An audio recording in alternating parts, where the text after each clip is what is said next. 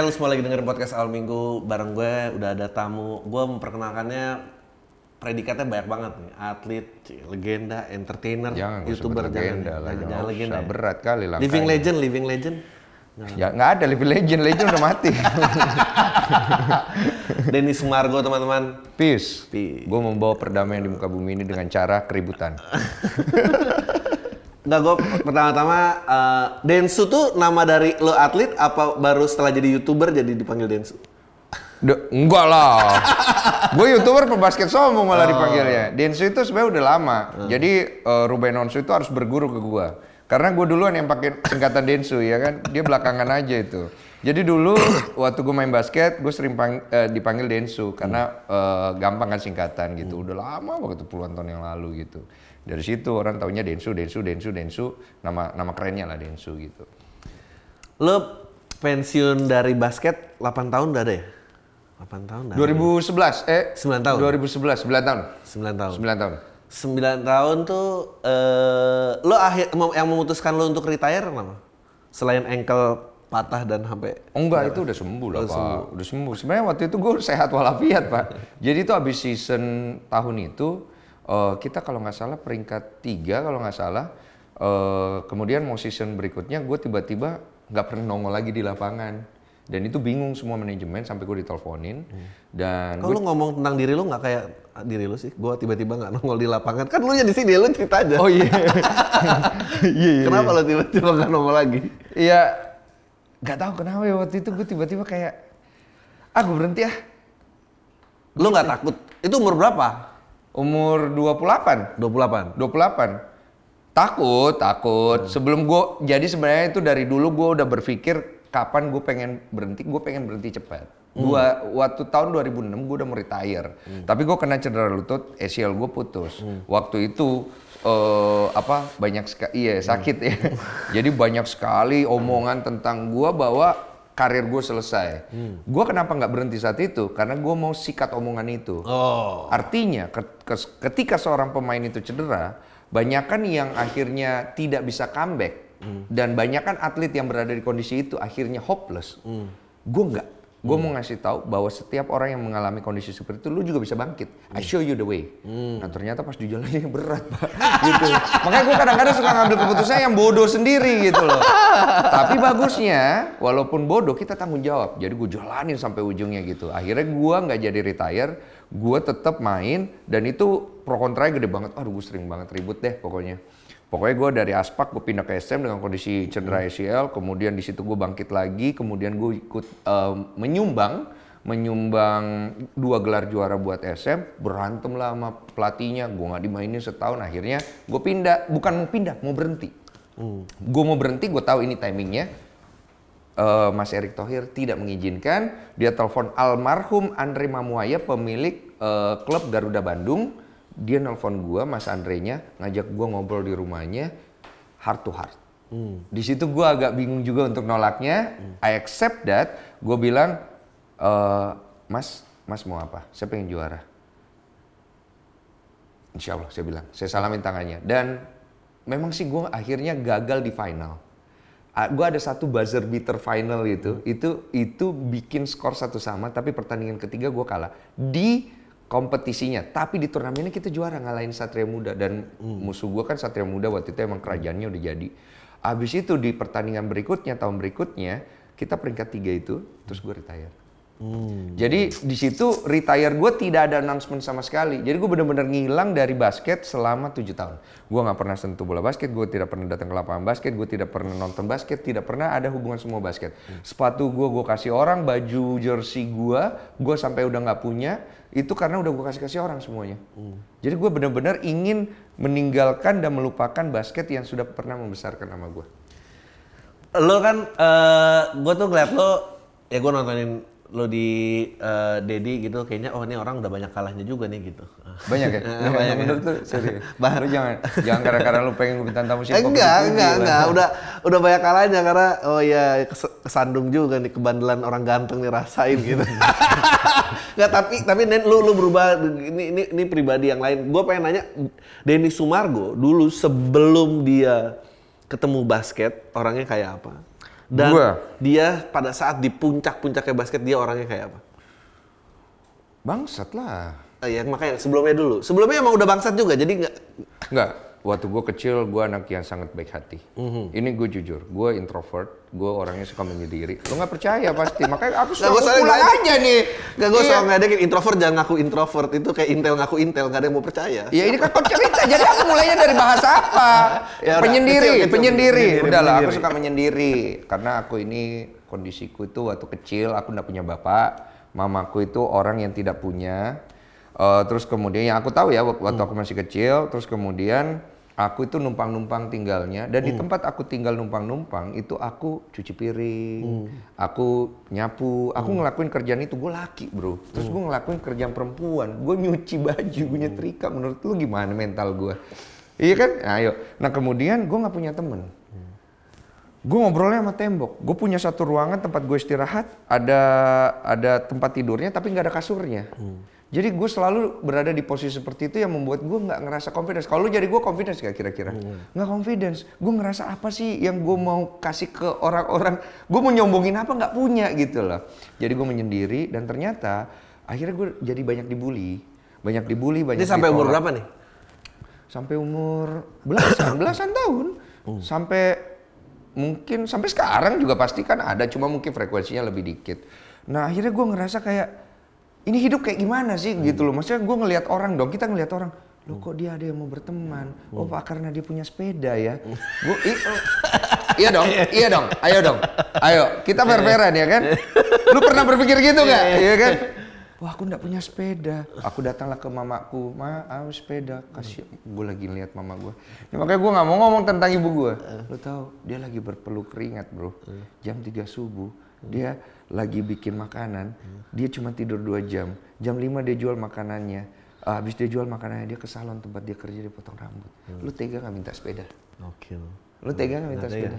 Makanya gue kadang-kadang ngerasa kayak, kok gue serba salah ya? gue bilang. Akhirnya, akhirnya gue menggunakan otak gue. Kadang-kadang gue nggak punya TV bro. Jadi gue ngintip di rumah orang, gue nonton TV dari belakang. Orangnya juga baik. Eh Denny masuk nonton. Tapi kan gue gak confidence. Nggak apa-apa bu. Lari. Nanti orangnya nggak ada, gue nonton lagi. Jadi dari situ loh penyendiri gue dan itu tumbuh terus dan ternyata sifat itu membuat orang tidak bisa menerima gue karena gue nggak bisa nggak bisa Ya. ngomong diri gue gue nggak bisa nyalain mereka tapi gue juga nggak bisa nyalain diri gue sendiri Cerita cerita ini udah bikin perempuan tekuk lutut dan nangis-nangis kasihan berapa kali? gue nggak pakai ilmu itu Kalau nggak pakai ilmu, pakai ilmu itu. Berarti tahu ada ilmunya ya? gue gue tahu ada ilmunya ada cowok pakai ilmu itu Jual derita, jual derita ya. jual derita gue enggak gue jual keperkasaan ulekanku mantap hmm. Kalau sama aku panjang dia dia biasa banget udah di Skype itu mukanya nggak kaget. Gue kira gitu Eh, lu kan pengalaman lu kan banyak, lu pasti bisa nilai orang gue ngomong apa adanya atau enggak Iya. gitu loh. Fair-fairan aja gitu loh, silakan. Ngeledek aja. Siap, gue tahu bagian, bagian dari tes lo aja. Mau lihat gue lari ke mana?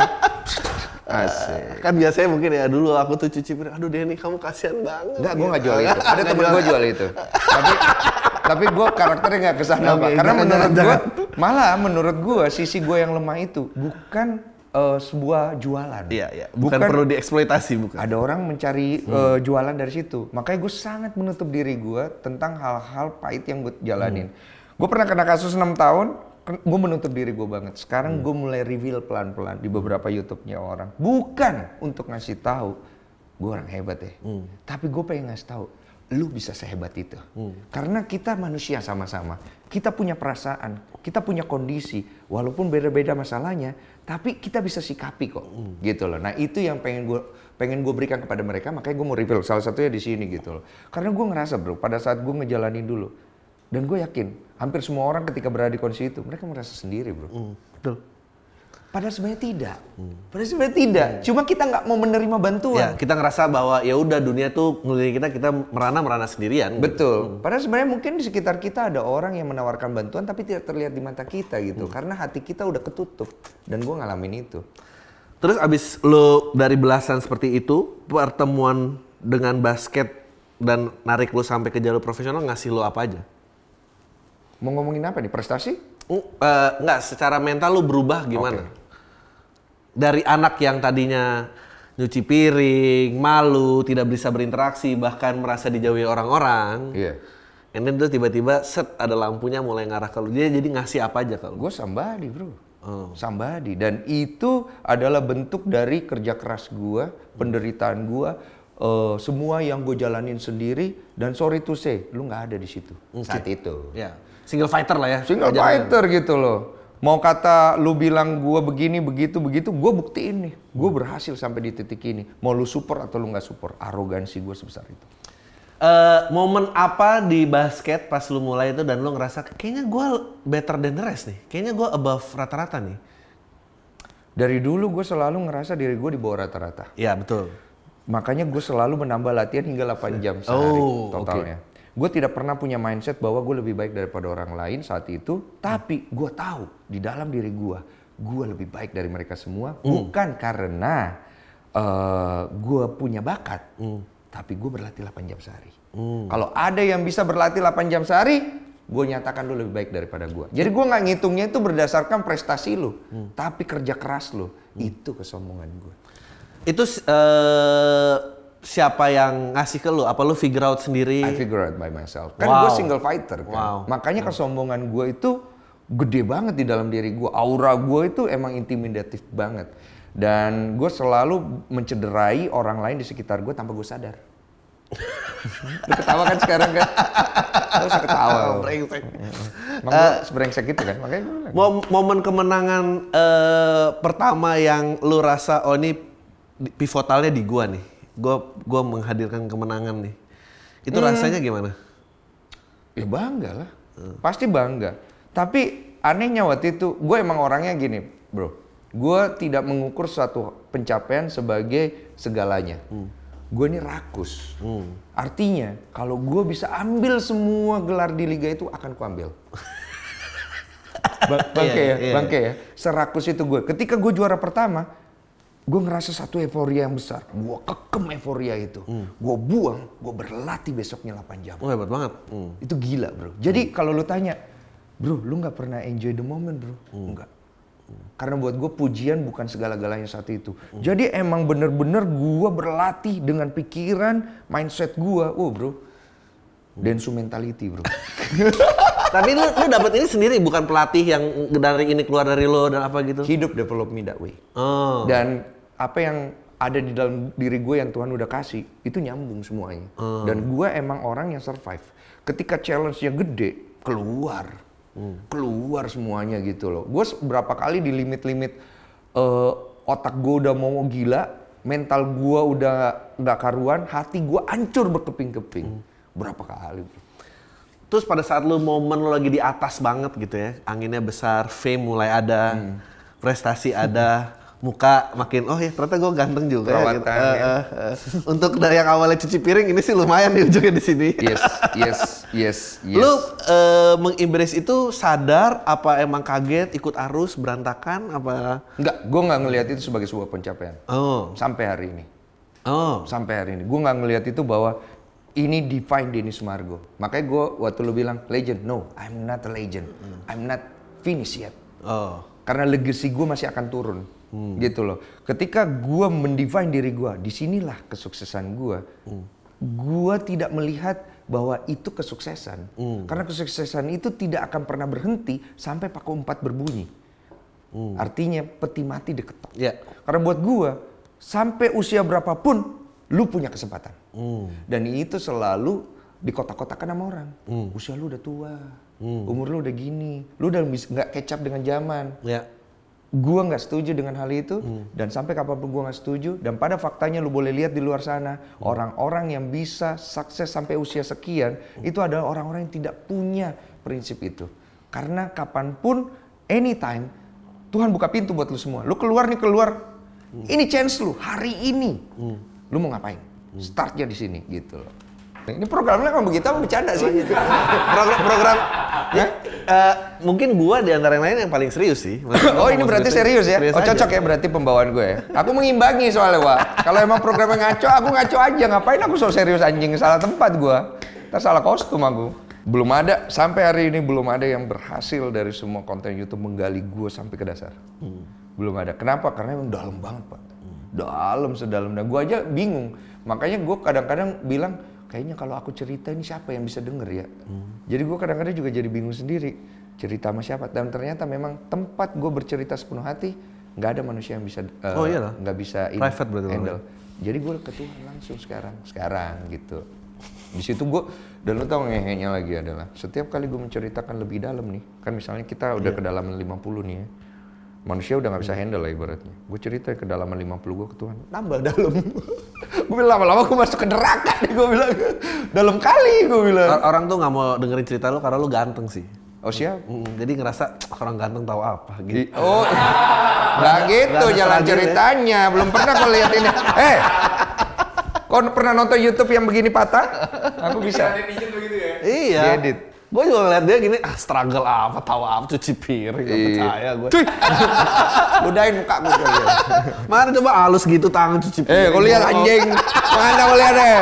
Kau lihat bentuknya. Astagfirullah, ini kapalan semuanya nih, kapalan. Ya Orang ganteng tuh gak ada yang percaya struggle apa. Iya, Pasti ya, tapi- tapi deketin perempuan pasti gampang, confident, juara segala macam gimana? Itu orang ganteng yang tidak tahu diri. Oh, oke. Mereka menggunakan kegantengannya mereka sebagai kekuatannya mereka untuk mencari nafkah. Nah, mungkin dengan kegantengan itu dia bisa memikat wanita yang mungkin kaya, mungkin ini, kemudian akhirnya mereka bisa dapat kesempatan untuk goal hidup dia. Mungkin dia pengen kaya. Ternyata lewat ganteng bisa sedih juga ternyata ya. Semua orang, Pak. Kau pikir pohon ini nggak bisa sedih? Iyalah, semua kita Nah, manusia, Pak. gitu. Hmm? Bikin channel itu aja ganteng tapi sedih juga. Jadi lu undang tuh orang-orang yang disangka. Oh, iya. Dinilai dari packagingnya doang. Bagus dia Oh, ternyata udah. banyak kesedihannya Iya, gitu. banyak, Ah, Pak, Nggak semua. banyak sih tapi yang mau percaya tapi. Karena yang jelek lebih banyak. Nah, di situlah orang nonton. orang nonton. Di situ orang nonton viewer ya. Viewer ya. Yang jelek mungkin juga. Oh ternyata bisa struggle juga gitu. Bisa lah Pak, kita manusia mah bisa struggle. Lu dulu as an athlete karakternya, uh, lu gue liat lu uh, bareng Rico gitu dan Rico ini orang yang paling bersih, paling disiplin. Iya. Uh, Di YouTube gue ya? banyak, ah. Prestasi banyak lah. Lu tuh orangnya easy to coach apa enggak sih? Kayaknya kalau tadi banyak berantem sama pelatih kayaknya. Enggak, I'm not easy to coach. Oke. Because I'm coaching myself. Oh. Jadi gue susah banget untuk ngedenger orang lain ngelatih gue karena kadang-kadang gue nggak dulu ya kita bicara dulu. Nih ini lagi dulu. Gue nggak bisa nerima karena nggak make sense at all. Lu ngasih tahu gue begini caranya memecahkan batu, tapi lu nggak bisa mecahin batu itu. Yang bisa gue, terus lu mau coaching gue apa bro? Brengsek. brengsek. Makanya gue bilang gue tuh brengsek dan bangsat. Tapi setelah gue belajar kemari-kemari itu salah deh ini itu salah. Nggak gitu juga Iya, jalan iya. ceritanya. Dan gue learning gitu loh. Dan kalau ditanya eh se, se- susah apa gue coaching gue ya seperti itu. Lu bayangin deh keras Nah terus kayak eh, mencapai eh, objektif dengan lo harus berkolaborasi, harus menerima instruksi, terus bisa jadi juara tuh gimana? Kalau nggak bisa diatur gini. Makanya lo tahu banyak kontroversi kan gue berantem mulu. Berantem mulu ya? Oh. Tapi di situ gue tidak selamanya menang. Gue pernah ngambil satu decision di luar dari perintah pelatih. Gue take it and I win the game. Hmm, Oke. Tapi dia nggak datang ke gue dan kemudian Good job. Dan, good job Denny. Enggak. Tapi karena dia ngerasa bahwa pride-nya dia disentil sama gue, disentil sama gue. Pernah juga gue nggak make dia punya decision and we lose the game. And I come to the coach and say sorry coach, my fault. Di sinilah gue melihat bahwa sebenarnya kalah menang itu bukan suatu hal yang mutlak. Tapi itu akan menjadi sebuah pembelajaran bagaimana kita bersikap terhadap kalah dan menang. Karena gue pribadi, ketika gue kalah dan decision yang gue ambil kalian tidak bersetuju, gue akan datang menyerahkan diri gue and I'm, Oke. I'm gonna say sorry. Tapi orang lain belum tentu bisa itu. Dan sampai hari ini, gue masih melihat banyak sekali orang-orang yang dari masa lalu gue belum bisa melakukan itu. Karena buat mereka, kebenaran gue lebih penting daripada kata maaf. Hmm. Jadi buat gue pribadi, eh bro, lu di dunia, lu bisa salah bisa benar, gitu. Dan di situ gue belajar banyak. Eh, apa yang bikin biasanya eh, atlet jadi merasa seperti itu? Hmm, dedikasi dia di lapangan. Kobe Bryant, Michael Jordan. Lu nonton The Hmm. Ya, Last Dance? nonton. Abis itu dia berantem sama Scottie Pippen kan? Lu ngerti gak maksud gue? Anjing kenapa lu potret gua kayak gitu? Iya, karena akhirnya memang ternyata seorang mm, pemain yang di atas rata-rata, dia pasti ambisius bro. Hmm. dia pasti determinasinya gede dan pasti lu akan terluka sama determinasinya walaupun lu seorang teman tim gitu dan itu hal yang normal di dunia ini gitu loh. Kenapa dia bisa seperti kayak gitu? Karena apa yang dia lakukan for the love of the game. Ketika lu nggak bisa bersetuju tentang hal itu, gue juga nggak bisa nyalain lu ketika akhirnya lu melihat dia negatif. Ya. Tapi gue juga nggak bisa nyalain dia ketika dia berusaha untuk memberikan yang terbaik. Bukankah hidup emang seperti itu saling mengisi gitu? Di situlah dramanya terjadi. And it create history. Makanya gue bilang, history is a part of humanity. Wih, Bahasaku tinggi kali. ya. Enggak, tapi jadi lu benar-benar single fighter, uh, hard to manage. Iya. uh, but yet lu deliver, maksudnya kalau lu perang gua tahu nih objektifnya apa gitu. You want me on your team gitu kan. Iya, dan gue orang yang selalu mengutamakan loyalitas bro. Ketika I'm on your team, don't worry. People Meskipun yang- bandel ya? Meskipun bandel. Oh, iya. Orang bandel begitu Oh, gitu biasanya. ya? Yang real bandel ya. Oh, iya, real bandel. Yang real bandel. Bukan yang so gaya-gaya. Kalau so gaya bandel munafik gitu. begitu ada begitu ada perkelahian dia lari duluan. Lu pernah dapat pengalaman kayak gitu Gue nggak? pernah, gue pernah, gue ngeliat temen gue waktu itu digebukin sama empat orang. Uh-uh. Terus gue mikir, kayaknya kalau satu lawan dua bisa nih. Uh-uh. Gue dateng, gue pukulin. Terus kayak, kok gue nangkis pukulan banyak banget. Gue nengok kanan, dia udah lari. itu yang gua maksud. Jadi itu bukan orang bandel sebenarnya. Oke, oke. Sejatinya kalau harimau harimau gitu loh. harimau. Makanya gue banyak banget ngelihat kok sok bandel. Udah gitu kalau dibilang bandel nggak mau ngaku bandel itu bukan orang bandel, munafik itu. Pinter lu belokannya. Gue tuh pada bandel tuh maksudnya ke perempuan. Tapi Semuanya. loyalitas Semuanya. Temen ya. sip, sip, sip. Lu lu lu gini nih, kalau di, di di di hidup gue gini, lu nggak apa-apa bandel. Tapi lu punya value. Ya. Pertama, integritas lu ada. Lu punya loyalitas. Terus kemudian lu punya komitmen. Dan yang paling penting, kalau temen lu susah, janganlah kok kabur. Apalagi kok menjatuhkan dia di belakang. Lu nggak perlu tolong dia nggak apa-apa karena posisi lu juga sulit. Tapi please jalan di sampingnya. Nah. Bisa nggak sampai seperti itu aja? Ini ini menarik nih. Gue tuh ngeliat mata lo ya kalau yang ngomongin gini competition, dia tuh keluar tuh flicker. Yo. Oh, ini masih ada Masih ada macannya ya? di ini, masih ada dia makan orang. Nah, Masih ada ya macannya? Woi macan! Aing macan! Lu, Asik. lu dengan disiplin yang tinggi, biasa nggak ada pre- pressure tinggi, gue rasa lu pasti ya bukan orang yang banyak alasan gitu. Nggak ada alasan gini ya menang yang menang, kalah ya kalah. Gue nggak mau kalah. Ya habis kaki gue gini. Lu bukan orang yang kayak gitu. Gak bisa, Nah, gue gak bisa gitu. lu ngelihat sekarang apalagi tiba-tiba nyemplung ke YouTube, terus Hmm. melihat generasi yang younger, milenial dan lebih muda lagi. Hmm. Lu nggak pakai skeptisan itu gimana ceritanya? Karena gue udah marah-marah lo, gue tiap hari marah-marah. Iya. Gue tiap hari marah-marah, gue nggak ngerti tren apa yang dilakukan. Dan kayak gue selalu bilang gini, gue nggak gua nggak ngerti waktu vlogs jadi tren. Heeh. Karena buat gue kalau gue mau spend time, gue tuh nonton sesuatu yang nggak bisa gue lakuin. Gue nonton orang main basket kayak, oh gila ya bisa main gitu. Oke. Gue nonton orang acting, acting bisa kayak gitu. Oke, Oh main musik kayak gitu ya. Sedangkan vlog itu Ya, ada kalau- suatu hal yang lu bisa lakukan. Iya, kalau naik ojek mah gue juga tiap hari naik ojek. Iya kan? Kalau cuma nyetel ukulele mah gue juga bisa gitu, cuma kuncur-kuncur gitu ngapain gitu. Lu nonton, lu nonton. Oke, oke, Iya. oke. Kalau lu nggak kayak gitu sih, padahal lebih tua. Gue sih lu gue udah marah-marah. Apa lu aslinya di balik kamera gitu juga ya? Enggak ya? Kayaknya enggak ya. Kalau sekarang sih udah. enggak. Sekarang enggak ya? Sekarang sih enggak. Kalau dulu gue kayak lu gitu. Apa sih? Apa yang bagus? Anjing, nggak ada faedahnya gitu loh gue bilang. Aku nggak ngomong anjay karena itu dilarang. ya. Dilarang. Anjing aja. Jadi itu memang nggak ada faedahnya gitu. Tapi gua akhirnya comes out dengan sebuah pemikiran yang jauh lebih luas daripada itu. Bahwa setiap orang itu punya kesenangan dia sendiri. Dan walaupun hal itu nggak ada faedahnya buat kita, itu bisa ada faedahnya buat orang lain. Gue ngomong, gue ngomong, sampah kita itu harta buat orang lain. Iya benar sih. Sampah kita Ini loh. juga sudah sampah. Eh, Mantan kita kan dinikahi orang Bah. lain.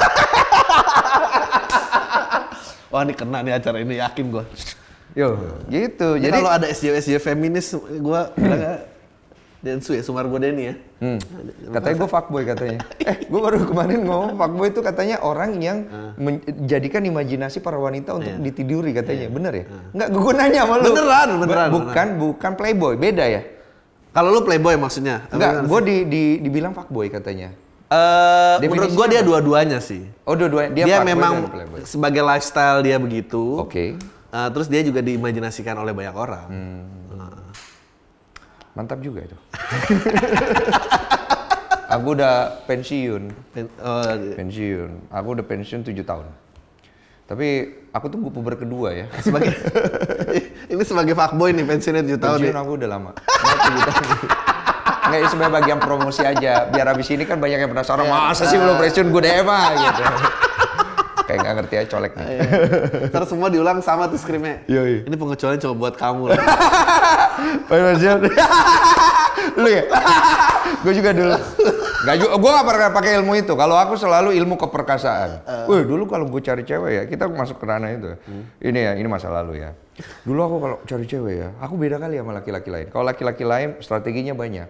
Nah, kenapa gue gak pakai strategi itu? Karena menurut gue, in the end of the day, karena dari semua ilmu yang kupelajari untuk menjadi seorang laki-laki pelacur, kalau istilah kasar gue enggak lah, Eh, playboy adalah sebenarnya cowok cewek itu suka lihat cowok. Datang tatap matanya. Eh aku suka kau. Mantap kali ya. Kau cantik ya. Habis itu pergi.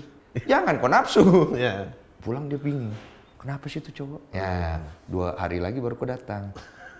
Lagi ngapain? Ah. Selesai Luar biasa. selesai ya. itu kau berurusan dengan kasus habis itu Tapi se pernah posisinya terbalik nggak? pernah yang lo yang kayak, aduh jangan ditinggalin dulu aku tuh masih sayang. gitu. Gua pernah bro. Oh. Gua pernah ada di kedalaman itu. Gua pernah eh, akhirnya membuang pride gua demi cinta. Kenapa dia mau ninggalin lo? Karena oh, kondisinya waktu itu dari orang tuanya ya. Orang tuanya dia yang mengarahkan ya. Dan orang tuanya lebih prefer laki-laki yang ini. Yang gue sangat sesalkan waktu itu adalah kenapa nggak diakhiri dulu, baru kemudian kau dengan laki-laki itu. Ini di dalam proses itu. Karena gue kenapa kenapa gue marah banget saat itu? Karena gue tidak pernah memperlakukan pacar gue seperti itu. Oh. Sebangsat-bangsatnya gue ketika I'm ha- having commitment, ketika gue pengen pergi dengan wanita lain, gue tidak pernah memasukkan wanita itu ke dalam relationship time gue. Artinya, gue selesai dulu sama lo. Baru gue ke sana. Karena gue masih menghargai namanya perasaan.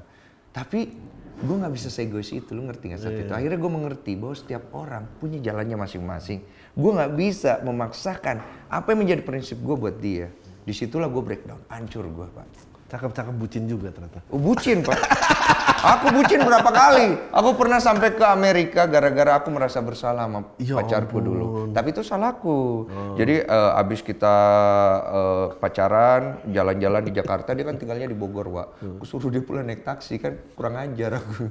Iya aku jujur aja gitu itu salahku dan laki-laki please jalan jangan kayak gitu gitu loh. Goblok. Go- goblok itu ya. Udah abis itu ternyata dia menyimpan dalam hatinya, dia sedih kali. Dia tahu gue baik sama dia, dia tahu ini. Tapi kok lu nge-treat cewek kayak gini, udah jauh-jauh aku ke Jakarta terus kok eh, pulang gitu. Itu waktu itu umur gue masih 20-an. Di situ gue belajar rule by rule how to treat a woman. Tapi dari situ bro, makanya kalau ditanya sekarang, bang, kok kok ngerti sekali perempuan sekarang? Ya karena learning from mistakes, a lot of mistakes. Gue sampai ke Amerika itu bro, lo tau nggak ke Amerika? Bukan minta balikan. Gue bilang gue salah, gue minta maaf sama lo. Gue datang ke sini jauh-jauh hanya untuk nunjukin itu bahwa terima kasih udah ngajarin gue yang baik. Tapi di satu sisi ketika gue pulang, tolol kali gue jual mobilku untuk ini.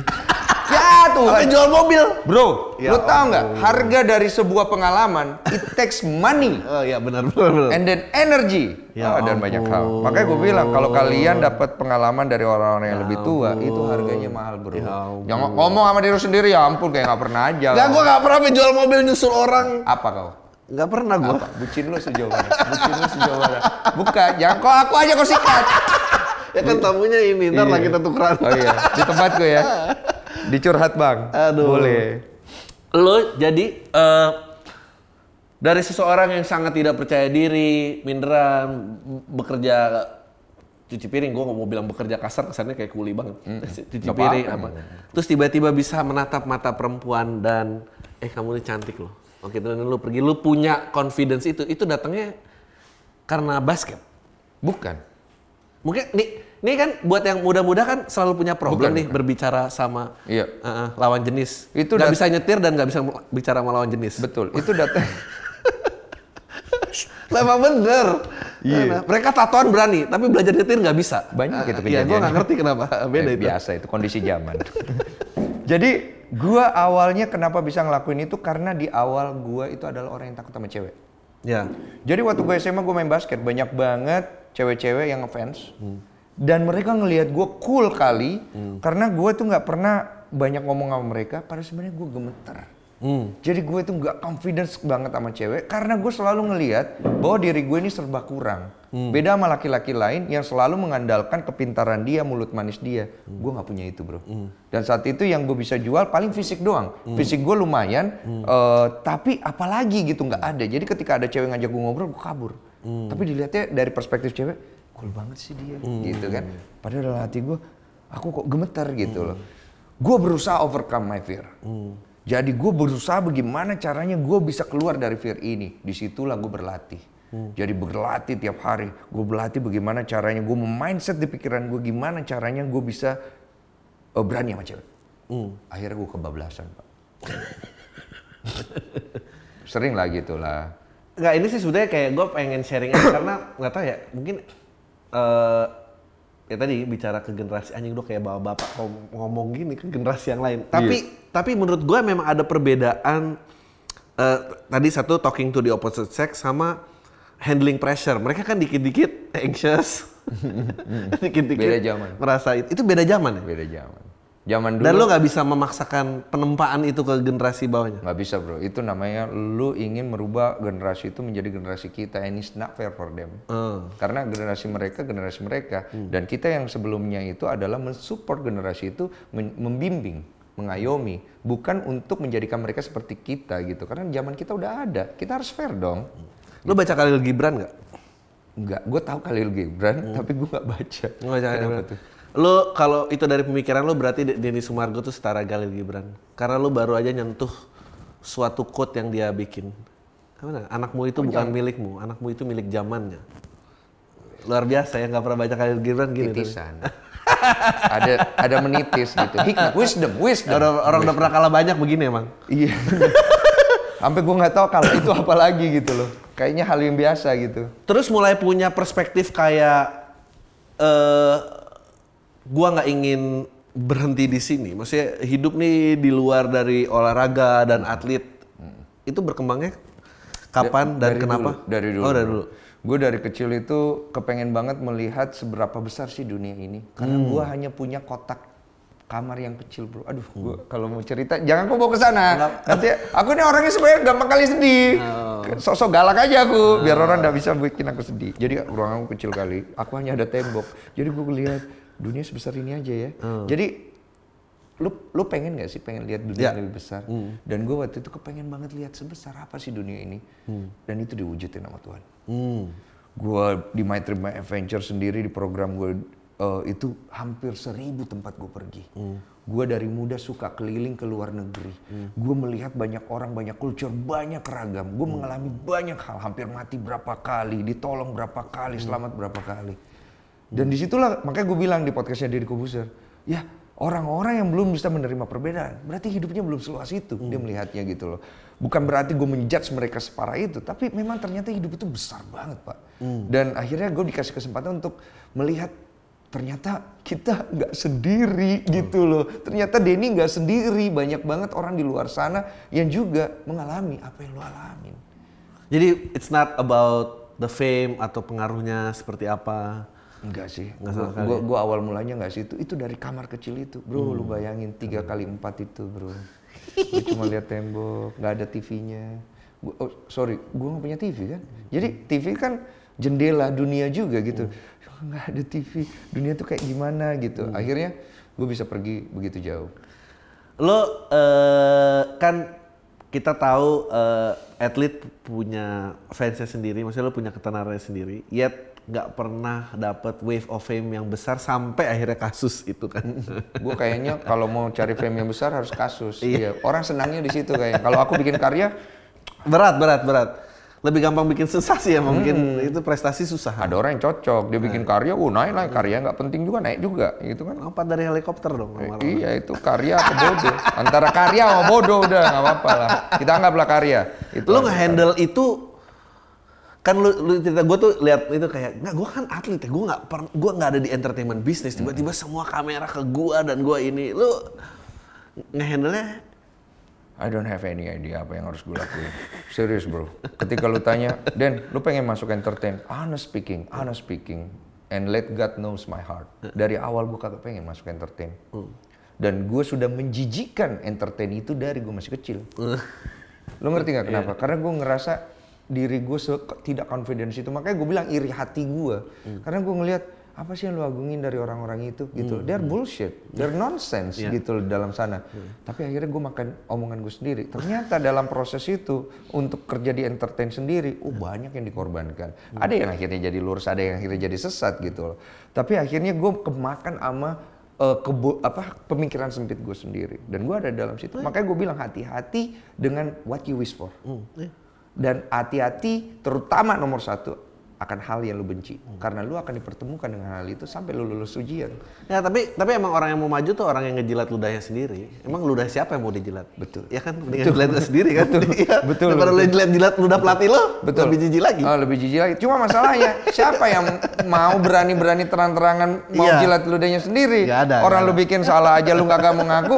Kalau Indonesia ini lebih dari 50%, gua nggak minta 100%, lebih dari 50% orang ketika dia melakukan kesalahan berani menjilat ludahnya sendiri, negara ini tumbuh.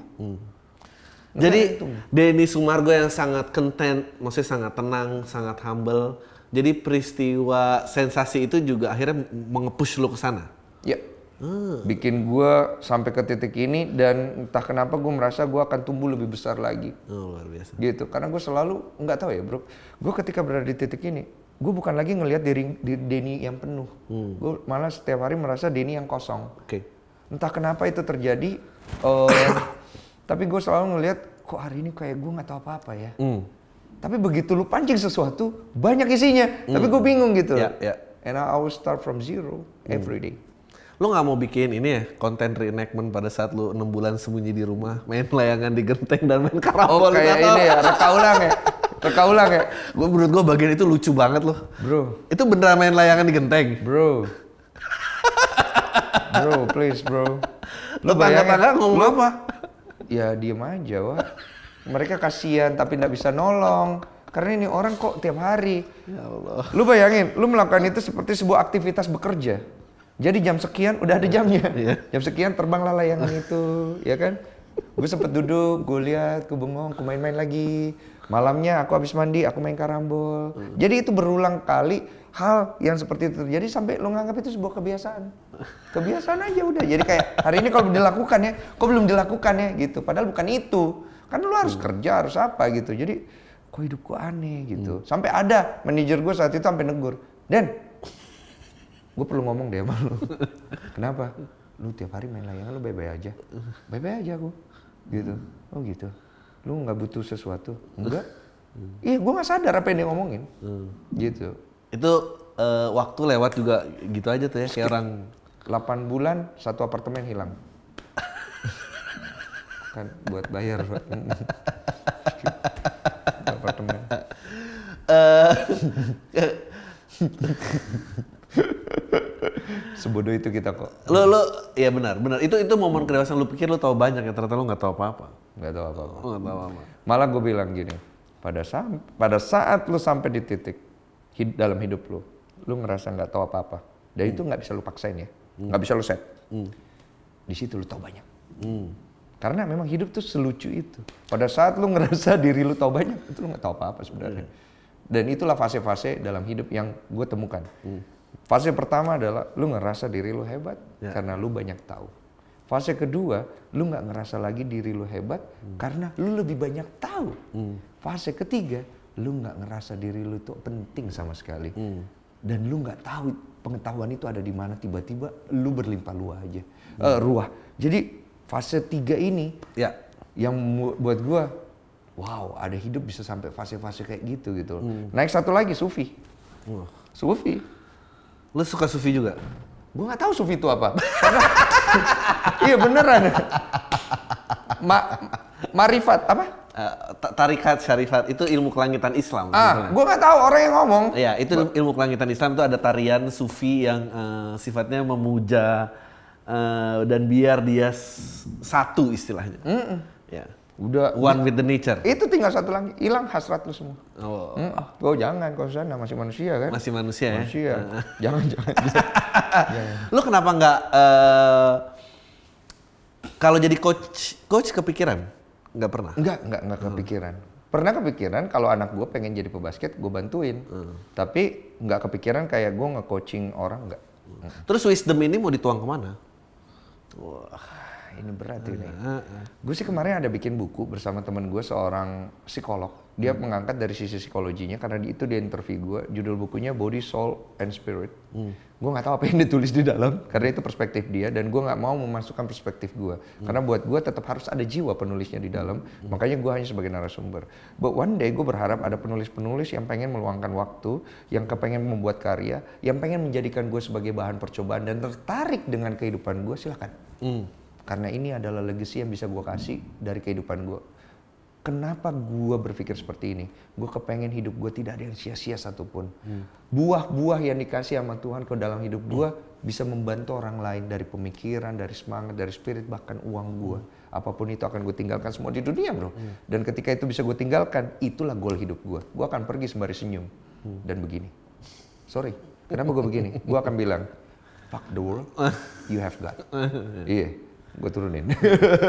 bukan gue fuck you, bukan fuck the world. Karena artinya lu di dunia sebenarnya lu jangan takut, jangan gentar selama lu yakin, lu percaya dan untuk proses ke sananya, oh it takes time. Ya. Takes Da- oh, dalam perjalanan film, eh, karakter di film dan segala macam kan memang eh, being afraid itu never the answer kan. Semua karakter tidak pernah stay. Ya. Dia dia maksudnya harus selalu ngelawan itu. Betul. Ah, tapi lu misalnya lu eh gua tahu yang lu achieve di dunia acting itu kerja kerasnya luar biasa ya. And then lu making content YouTube ini. Level difficulty-nya jauh lah pasti. Pressure pressure-nya beda Beda pressure, beda pressure. tapi sama-sama susah. Oh. Sama-sama susah. Lu create something yang Lu nggak ngerasa kayak gila dulu susah-susah ngapain kalau ternyata ini gini bisa gini? Tahu gitu gini aja dari dulu. Enggak. Oh. Enggak, gue enggak ke sana berpikirnya. gue selalu tidak pernah mau mengentengkan segala sesuatu karena buat gue setiap setiap hal itu ada porsinya. Ketika gue start YouTube, gue tahu, gue tahu banget gue akan bersusah-susah di sini. Itulah karakter gue. Makanya gue setiap kali mengambil keputusan, gue akan selalu nanya diri gue, siap nggak jalaninnya? Kalau nggak siap jalanin, jangan jalanin. Konsekuensinya ada loh ini.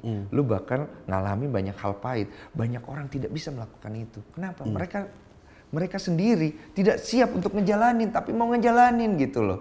Makanya gue bilang sampai kapan lu mau siap? Mau kapan Tabrak siap? aja. Kapan perubahan itu akan datang setiap saat? Mau lu siap atau enggak? Lu mau mikir sampai 100 tahun? Orang udah jalan jauh. Mau kapan siap? Nggak bisa. Lu harus tahu bahwa hidup itu siap tidak siap. Siap. Jalan. Kita jalan. Jatuh di depan. Ini resiko. Kita coba bangkit gitu loh. Kalah lagi, coba bangkit lagi. Kalah lagi, coba bangkit lagi. Makanya gue bilang, ketika lu kalah, ketika lu lemah, bukanlah saat itu untuk dipakai buat mengeluh, tapi saat itu kau pakai untuk istirahat. Karena di situlah saat waktu engkau menjernihkan pikiran lu dan coba mencari kenapa gue salah, kenapa gue kalah, kenapa gue jatuh, bukan malah nunjuk dan nunjuk diri lu. Itu gue lakuin dulu soalnya bro. Gue blame diri gue. Ada orang yang blame keluar ya, Iya. gue blame ke dalam. Uh, Lebih parah dibikin itu ya. Hmm. sama parahnya brother iya ngeblame ke Menghukum diri dalam sendiri. jadi kita suka menghukum diri sendiri berlebihan gitu loh gua hukum diri gua sampai akhirnya bener-bener diri gua muak sama gua muak kali diri gua Eh, tapi lu ini yakin gak datang dari waktu kebiasaan training sebagai atlet atau apa? Maksudnya kalau kita nonton Last Dance, nonton Kobe dan segala macam kan the greatest shooter tuh ternyata bukan yang frekuensinya tinggi, tapi shooter-shooter yang nggak pernah ngemikirin waktu terakhir dia gagal nge-shoot. Karena yang besok abis ini dia nge-shoot itu yang baru lagi nggak bisa yang shoot sebelumnya menghantui dia gitu. Iya, itu yang benar gitu. Tapi kan itu trauma yang harus dilawan untuk setiap shooter gitu loh. Nah, problemnya adalah kalau gue lihat ternyata the best shooter itu adalah orang-orang yang memang dia itu udah punya kedewasaan tinggi dengan skillnya dia. Ada orang yang datang dari nature juga. Jadi contohnya gini, emang orangnya bodoh amat pak. Dia mah nembak-nembak aja. Jadi itu ada orang orang nggak tahu diri kalau kita Iya. bilang. Ada juga gitu. Tapi ternyata kesimpulan itu patah dalam pengalaman gue bahwa ternyata the great The best shooter adalah orang yang paling bertanggung jawab dengan apa yang dikerjakan. Dia lewatin prosesnya dan kita nggak pernah tahu ternyata dia berusaha untuk deal sama dirinya dari trauma-trauma kegagalan shootnya dia sebelumnya. Gue pernah bro nembak 22 kali di satu pertandingan penting final ketika gue pindah dari Aspak ke SM. Tahun pembuktian brother, tahun pembuktian. Kita kalah 15 poin dari Aspak dan gue udah di SM saat itu dengan segala kontroversinya. 22 kali gue nembak gak ada yang masuk. Kalau itu menghantui gue, Mati tas. saat itu kita nggak juara. Di di quarter keempat, lagi 4 menit apa 6 menit.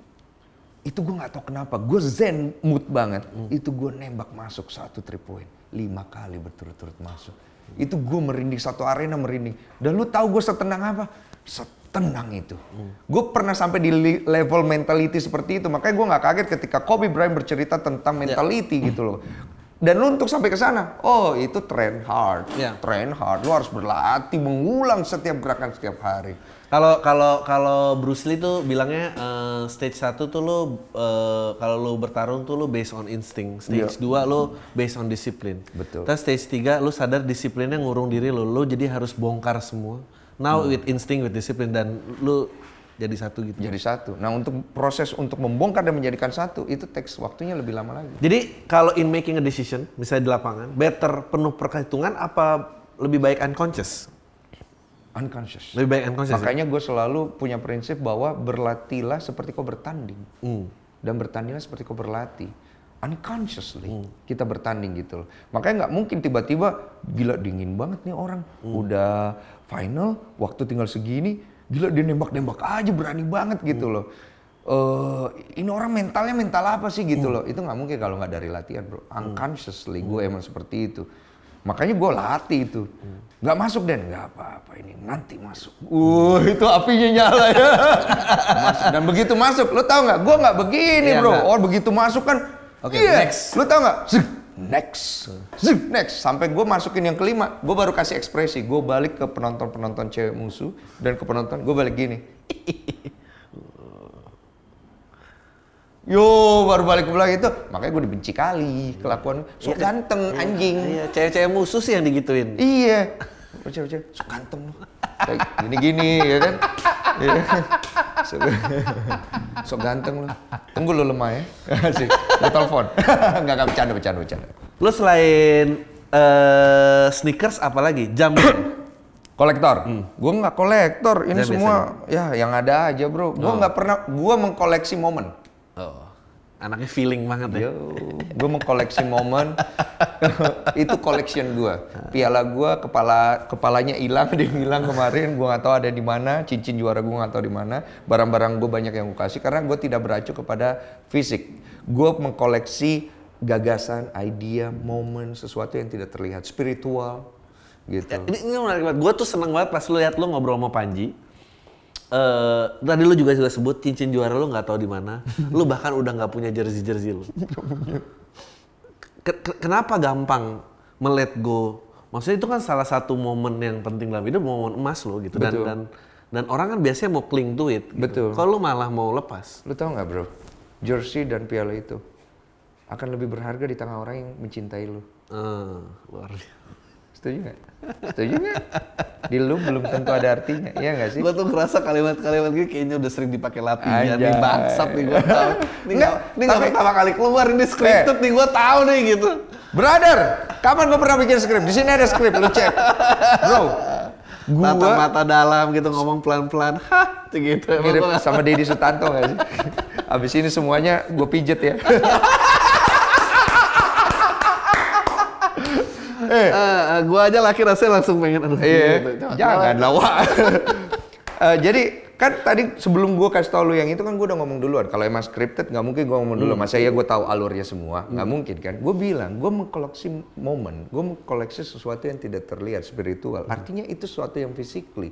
Dan gue tahu banget sesuatu yang physically itu punya arti yang lebih tinggi di tangan orang yang mencintainya. Wow. Gitu loh. Dan buat gue pribadi, lu bayangin sepatu gue waktu itu basket diminta sama orang fans gue berat banget. Harganya eh, jutaan. Gue kasih sama dia. Karena gue lihat sebegitu willing to have it. Lu tahu nggak malam-malam gue balas DM gue love love doang sampai ribuan. Lu tahu nggak kenapa? Buat mereka itu precious, brother. Buat kita is nothing. Lu ngerti nggak maksud gue? And I Bukan love berharap ada nyantol, bukan berharap ada nyantol. Enggak. Udah enggak? Udah enggak, udah mau nikah, pensiun, pensiun. nikah, mau nikah. Nanti kalau gagal nikah baru ya. Yo, amit-amit Jual jangan ya. jual derita lagi, Yo. Memang kayaknya itu settingan ya. Jadi dari situ gue melihatnya. dan buat gue pribadi apa yang gue punya udah more than enough sesuatu yang tidak terlihat itu yang Tuhan kasih buat gue karena gue akan pergi dengan itu. Gue tidak akan pergi dengan barang ini. Tapi dari barang-barang yang gue punya ini dan kemudian itu bisa memberikan cinta eh, kebahagiaan buat hidup mereka. Dude, for me that is more than everything. Look at my eyes. Kalau gue berbohong atau scripted. Iya, iya, iya. Look at my eyes. Gue gak sedang bercanda dengan omongan Iya. gue. Orang Bukan, bisa bukan. orang bisa men-scripted ini, tapi I talk from my heart. Karena buat gue gini bro, gue start dengan tidak punya. Dan lo akan kembali tidak punya. Gue akan tidak punya. Dan gue bisa survive dengan tidak punya. Kenapa gue harus punya? Gitu loh. Dan gue tidak mencintai apa yang gue punya di dunia ini melebihin gagasan, ide, spiritual yang Tuhan kasih buat gue. Gue nggak bisa karena gue udah pernah mentok berkali-kali, gue pernah kalah berkali-kali untuk semua yang gue percaya. Gue pernah percaya banget agama akan menyelamatkan gue. Gue pernah percaya banget bahwa eh, eh, orang baik itu seperti ini. Gue pernah percaya banget kalau pengen jadi baik lewat begini. Bukan itu salah bro. Tapi it doesn't fix to everyone. Karena kadang-kadang hidup itu simple kok. Simple banget untuk beberapa orang dan ribet banget untuk beberapa orang. So understanding lah buat gue. Lo ini banget ya, maksudnya gue tuh dari tadi nanyain tentang dealing with anxiety, dealing with pressure, akhirnya lo punya confidence. Terus lo nggak hold on into eh, momen-momen emas, baik momen emas, baik momen buruk ya. Karena itu banyak banget kayak lo ngomongin kosong. Lo kalau cangkir penuh, lu tuang air baru ya pasti tumpah dong. The only way lu punya air yang baru ya lu harus Gue udah pernah semua. baca itu buku-buku begitu isinya semua. Luar biasa, luar biasa. Gue gue bukan berasa gini loh bro, lu kan punya pengalaman banyak, lu baca buku banyak, gue tahu kok. Enggak, gua enggak baca buku macam-macam. lu nggak bisa bohong sama saya. Enggak, enggak, enggak, enggak, enggak. Beneran Ja- gua. jadi lu banyak banget bisa menilai orang. Oh ininya orang hidupnya praktek. Hmm. Ada yang orang hidupnya teori. Dan dari situ kan lu bisa tahu dari bobot bahasa dan energi ketika dia berbicara. Hmm. Lu bisa tahu lah nonsense and the truth itself gitu loh. Ketika gue baca buku, itu baru sekedar pengetahuan brother. Hmm. Tapi lu harus isi pengetahuan itu dengan melakukan. Banyak kan orang baca buku dan kemudian merasa cukup. Hidup itu bukan di buku. Itu hanya knowledge-nya aja. Hidup itu ada di setiap hari. Lu menjalankan kehidupan itu. Itu hidup namanya bro. Gitu. Ter- Terus eh, apakah Denny Sumargo yang dikonsumsi banyak orang yang tampilannya istilahnya eh, polos, innocent, bahkan dibuat-buat menjadi sombong? Ken- kena- kenapa lo buat seperti itu? Aku memang sombong lah. Aku eh setiap orang punya sisi sombong. Betul. Tapi sombongnya dikontrol. Oh, oke. Jangan sampai sombongnya itu akhirnya menjatuhkan orang lain atau harga diri orang, tidak punya respect. Menurut gue semua hal di dunia ini itu baik karena Tuhan ciptain itu semua baik. Rasa takut. Iya. Rasa tidak confidence, rasa bersalah, hal-hal yang rasa-rasa yang buruk itu semua baik, Bro. Masalah kita nggak bisa kontrol. Dan untuk bisa sampai ke kontrol itu text proses. Gue sombong, oh nggak apa-apa, tapi kontrol sombongnya. Jangan sampai sombong lu merugikan orang lain. Ini kan hanya semacam untuk karakter ini aja. Tidak berarti tiap hari kok sombong juga. Itu namanya kok kurang ajar namanya Pak. Ngerti nggak maksud gue? Gue suka bicara, oke, tapi kontrol juga. Kadang-kadang kan kita perlu mendengarkan. Nah itu gue belajar semua dari Lo hidup. kalau ketemu diri lo yang lima apa eh, delapan sepuluh tahun yang lalu lo mau ngomong apa ke dia? Udah udah ketemu kan. Yang kejadian yang gue cerita dari Kobusier itu spiritually I met uh, myself jelek banget bro. Eh sorry sampai muncul. Jelek banget dan dia serem banget dan dia gue nggak nyangka itu bener-bener gue kepukul karena gue nggak nyangka gue udah ngasih makan diri gue Iya. hal seburuk itu lu bayangin lu ngelihat diri lu sendiri lu nggak bisa denial Hmm. kalau lu ngelihat orang lain lu masih bisa denial ini diri sendiri dan gue saat itu masih coba kayak ini bukan gue Eh, eh. tapi dia berbicara my language. How can you ignore that gitu loh. Jadi gue bingung. Akhirnya gue komunikasi sama dia cukup lama and we make peace. Jadi akhirnya gue sadar betul bahwa ternyata kita bertanggung jawab sama diri kita sendiri dengan apa yang kita berikan dalam diri kita, pikiran, hati dan jiwa kita. Terutama hati kita ini. Kalau kita berikan dia kebencian dan kita membiarkan itu tinggal di dalam diri kita, jangan salahkan one day dia akan makan lu dari dalam. Ini terakhir nih. Ini udah berapa menit? Wah gila nggak berasa kan? Gak berasa kalau ngobrol sama aku tuh bisa berapa tahun, toto tuh jenggot gitu kan panjang gitu. Nah, ini, ini terakhir nih gue. Iya. Eh, ya gue seneng banget udah banyak cover tentang you know, anxiety, bangkit dari kalah, lalala. Tapi em, ya idola gue tuh selalu atlet dan rockstar. Eh, kalau lo menjadi komisaris basket Indonesia, Iya. biar ini punya cakupan yang lebih luas lagi. Jadi nggak apa-apa mau sponsor youtuber gitu, mendingan sponsor, iya kan? Kamu masih tahu lah, satu konten di sponsor itu bisa ngebiayain tim berapa lama, Iya, ya iya, kan? iya, iya. Tapi kan orang investasinya nggak mau ke sana. Iya iya iya. Biar, nah di keadaan di mana, kalau Amerika kan ngalamin di mana pada saat industri olahraga dibangun, TV juga masih terbatas. Jadi maksudnya baru teater, orang ke bioskop apa, and then Itu olahraga jalan, and then TV jalan, and then sosial media jalan. Nah kita ini kan kayak tumbuh semua di antara yang bersama kan. Betul. Gue jadi investor juga.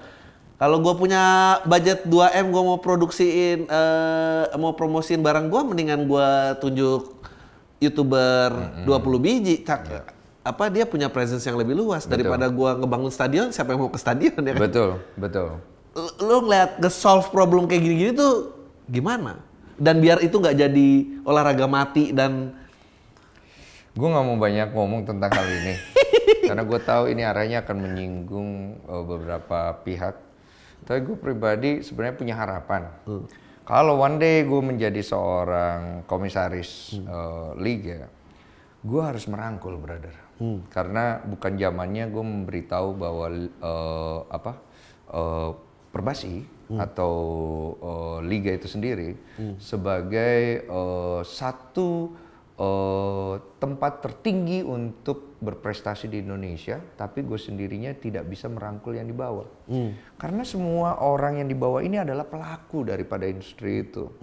Ketika gue tidak bisa turun ke bawah dan coba merangkul anak-anak milenial ini semua, terus penonton gue datangnya dari mana? Iya, iya, betul. Kasih tau gue. Iya. Akhirnya gue spend duit, youtuber A suruh nonton basket. Oh kontennya nggak basket, mau kau suruh nonton basket, gimana caranya dia mau pergi ke lapangan basket? Iya. Kau gila-gila, ibaratnya kan begitu. Kenapa gue bikin YouTube basket, brother? Karena gue pengen kasih tahu orang basket itu senang, basket itu gembira. Bukan gue pengen ngajarin orang main basket, bukan kerjaan gue itu. Gue buka peluang untuk semua teman-teman gue, semua orang di Indonesia yang nyari uang dari bola basket dengan cara akademi, bikin kepelatihan. Tapi caranya mereka datang ke klub lu gimana kalau mereka sendiri juga tidak tertarik? Liganya tidak dikemas secara digital dengan menarik. Liganya sudah oke, tapi digitalnya gimana? Ya, Oleh exposure-nya kar- gimana, ya? betul. Oleh karena itu exposure itu sendiri harus dibangun. Untuk membangun itu apa? Harus berkolaborasi. Untuk berkolaborasi apa? Harus punya rendah hati. Hmm. Tapi kan anjing kan terakhir tapi gue penasaran kayak karena gue suka kasihan ngelihat bukan kasihan sih gue gue tinju lama gue tinju dari tahun 2012 gitu ya. Dia buat kesehatan doang tapi gue nyemplung gue tinju di bulungan dan segala macam dan mulai ngeliat kayak gila ini orang tuh cintanya banyak loh. Maksudnya atlet tuh menurut gue orang yang menyurahkan mengorbankan cinta dan fisiknya paling besar tuh atlet. Lebih besar mungkin daripada pasangannya sendiri. Pasangannya ditinggal kadang-kadang. Sampai kadang-kadang lo bilang kayak apa ya dapetnya apa ya bukan untuk mengecilkan tapi ya pride gitu dan nothing more gitu. Eh ap- apakah misalnya dikucurin uang banyak itu menjadi solusinya apa? Tidak. Enggak ya. Tidak. Buktinya? Buktinya? Buktinya. Banyak YouTuber sukses tanpa modal besar. Tidak selamanya. Itu faktor penunjang. Tapi kalau kemudian kucuran uang besar itu tidak dikelola oleh tangan yang benar. Hmm. Ke mana jadinya? Iya benar. Jadi basa-basi gitu loh. Semua akan kembali ke pertanggungjawaban setiap individu, termasuk gua sebagai orang yang bukan siapa-siapa di bola basket. Gue berusaha untuk membuat sesuatu dengan cara gua dengan sesuatu yang gue suka. Lu pikir gue disuruh? Mereka tidak suruh gua, mereka tidak bayar gua. I will make it. Makanya gue bilang legenda itu tidak pernah ada sama gue karena perjalanan gue di basket belum selesai. One day I will bring basketball back again, bukan untuk ngasih tahu orang, eh gue jago main basket loh, Denny Sumargo punya nama besar, that's nonsense. Gue pengen ngasih tahu sama lo, datang ke lapangan basket, nggak punya sepatu, datang ke lapangan basket, nggak punya eh, skill, datang ke lapangan basket. Karena kalau lu belum datang, lu belum tahu gimana cara dapetinnya. Lu pikir gue main basket dulu ada sepatu basketnya? Nggak Iya, punya bro, nggak punya. Begitu gue datang di lapangan basket yang punya sepatu keren-keren, ah siapa sih ini? fuck them, Iya. sorry, fuck them. Iya. Mm-mm. Bilang Deddy Sumargo dulu nggak sejago kau, tapi kau nggak jago kau anjing. Iya, benar. Makanya gue nobatkan diri gue sebagai pembasket sombong supaya mereka bisa- pakai spirit gue. Orang-orang yang nggak punya modal ini, yang nggak sombong, Iya. ada pembasket sombong, gitu. Biar biar orang sombong itu berhadapan sama gue. Lumayan buat konten guys. Itu obrolan Denny Sumargo. Thank you banget for watching.